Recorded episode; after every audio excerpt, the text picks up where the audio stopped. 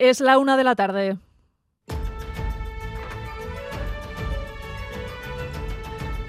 Crónica de Euskadi con Irache Ruiz.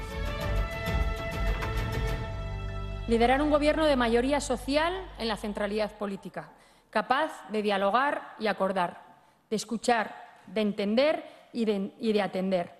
Un gobierno estable, al servicio de toda la sociedad, que desde una visión progresista de las políticas públicas lidere y acompañe las transformaciones que están ya en marcha y que tienen que implementarse en los próximos años. Usted no va a presidir un gobierno progresista, ni va a presidir un gobierno de progreso. Va a presidir un gobierno de retroceso para Navarra. En el discurso de investidura, María Chivite ha prometido centralidad política y diálogo, una promesa que no ha convencido al líder de la oposición.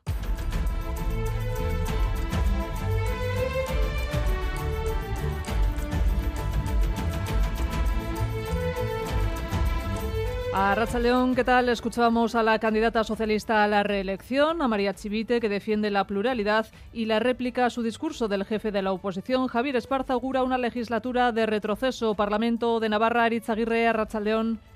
A León Chivite reivindica ser reelegida para liderar un gobierno de centralidad y progreso que sin embargo la oposición califica como retroceso, discursos vacíos de un gobierno de conveniencia sumergido en la desconfianza, decía Esparza. Ante la falta de concreción, EH Bildu avisa, esta legislatura no será la misma, exigirá medidas, no vale, dicen, con que no gobierne la derecha, tiene que ser un gobierno de izquierdas. Y su socio de gobierno, Gero Abay, reclama el consenso sí, pero que se cumpla el acuerdo entre las líneas rojas, defenderán el el fomento del euskera, mientras el PSN se erige como baluarte de la izquierda para parar a las derechas. Es Casco Aritz, enseguida vamos de nuevo al Parlamento de Navarra esta tarde. Primera votación allí. Chivite no obtendrá el apoyo de la mayoría absoluta de la Cámara. En la segunda votación de mañana sí será investida presidenta de Navarra.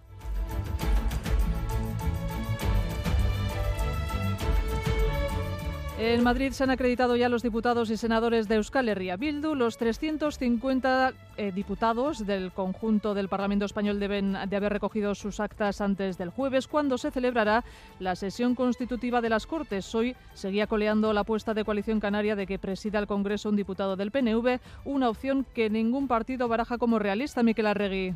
Así es, ninguna fuerza da viabilidad a la propuesta de coalición canaria para que el PNV, presida el Congreso. EH Bildu dice que no se está hablando de ello en ninguna mesa de negociación, mientras que desde el PSOE dicen que tienen que ser ellos quienes lleven las riendas, ya que ese es el reflejo de las urnas. Mientras, todas las miradas siguen puestas en Junts, quien sigue sin desvelar sus cartas. Los socialistas aseguran fuera de micrófono que las conversaciones con los de Puigdemont están siendo extremadamente complejas, aunque mantienen el optimismo para la votación de este próximo jueves.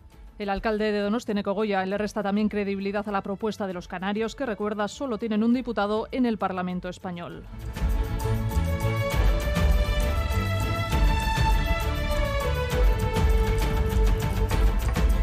Y en página internacional, ayer se celebraron primarias en Argentina. De cara a las elecciones del mes de octubre, el peronismo obtuvo sus peores resultados de la historia y Óscar Pérez se ha impuesto con mucha ventaja el candidato de ultraderecha. Sí, Javier Milei es un economista ultraliberal tertuliano televisivo que se opone a lo que denomina casta política. Ha participado en mítines de Vox y es declarado admirador de Bolsonaro y Donald Trump. Él ha sido el preferido de los argentinos en las primarias de ayer, lo que ha sido celebrado por sus seguidores y por el propio candidato. Pensar que hasta hace dos semanas venían operándonos diciendo que ni siquiera íbamos a estar terceros.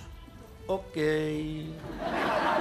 Entre sus propuestas, dolarizar la economía argentina, eliminar el peso y el Banco Central, permitir el libre uso de armas a la población o incluso legalizar la venta de órganos. Y otro dato que nos ha sorprendido es el siguiente. Las viviendas turísticas de Donostia son las más caras del Estado de cara a los alojamientos, decimos, turísticos. De media la noche cuesta 400 euros. En segundo puesto estaría Palma de Mallorca con los pisos a 200 euros por noche. Son los datos de una entidad norteamericana que rechazan desde la Asociación Vasca de Alojamientos Turísticos. Xavier Madariaga. El estudio sitúa a Donostia como la ciudad más cara en alquileres vacacionales. A 402 euros la noche, la capital guipuzcoana está muy lejos de los 178 euros de Barcelona o 149 de Madrid. Hondarribia y Zarautz, por encima de los 200 de media la noche, también está en la parte alta del ranking. Los datos los ha dado un grupo de activistas sociales que vigilan de cerca los efectos de plataformas como Airbnb en nuestras ciudades. Son datos que desmienten desde la Asociación de Pisos Turísticos de Euskadi. El Festival de Cine del Mar del Acuarium de Donostia comienza hoy una nueva edición. Durante toda la semana se proyectarán documentales en torno al mar.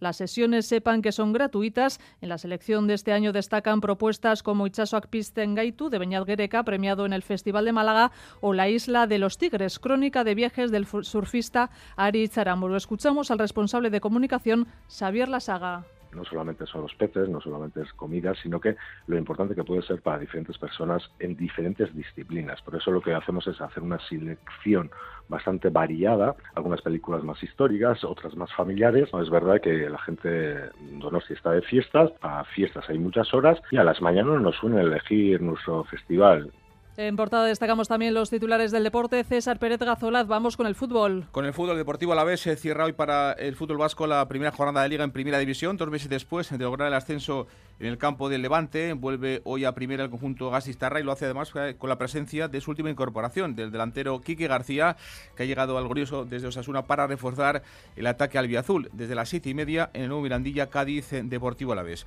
Y dos apuntes en forma de fichajes de dos ex del Athletic, que Parizabalaga deja el Chelsea deja Londres y va a jugar cedido esta temporada en el Real Madrid. Y Ander Capa está ahora mismo viajando hacia Valencia. El portugalujo ha firmado una temporada con el Levante, jugará Capa en segunda división. En cuanto al tiempo, según Euskalmet, esta tarde seguiremos con abundante nubosidad, aunque podrían abrirse algunos claros. En el sur será al revés, seguirán con sol, aunque conforme avance la tarde se irá cubriendo. El viento soplará del norte y podría caer alguna tormenta esta tarde-noche. Las temperaturas no variarán respecto a ayer. A esta hora tenemos 22 grados en Donostia, 23 en Bilbao y Bayona, 24 grados en Vitoria, la máxima hasta ahora en Pamplona. En carreteras hay 5 kilómetros de retenciones en la Muga, en la AP8 en sentido Irún en, la AP8 en Irún, decimos en sentido a Donostia y en vísperas de la operación retorno del mes de agosto y con la previsión de un incremento del tránsito internacional en esa zona, en la de la Muga entre Guipúzcoa y la Purdi, el Gobierno vasco, la Diputación Foral de Guipúzcoa y los ayuntamientos de Irún y Ondarribia emplazan a la ciudadanía a que, en la medida de lo posible, hagan uso del transporte público, preferentemente, dicen, el tren en Irún, prescindiendo así del vehículo privado para los desplazamientos urbanos o trayectos de cercanía. Una y siete minutos de la mañana, Aitor González y José Ignacio Revuelta en la dirección técnica, hay Iglesia en la coordinación. Comenzamos.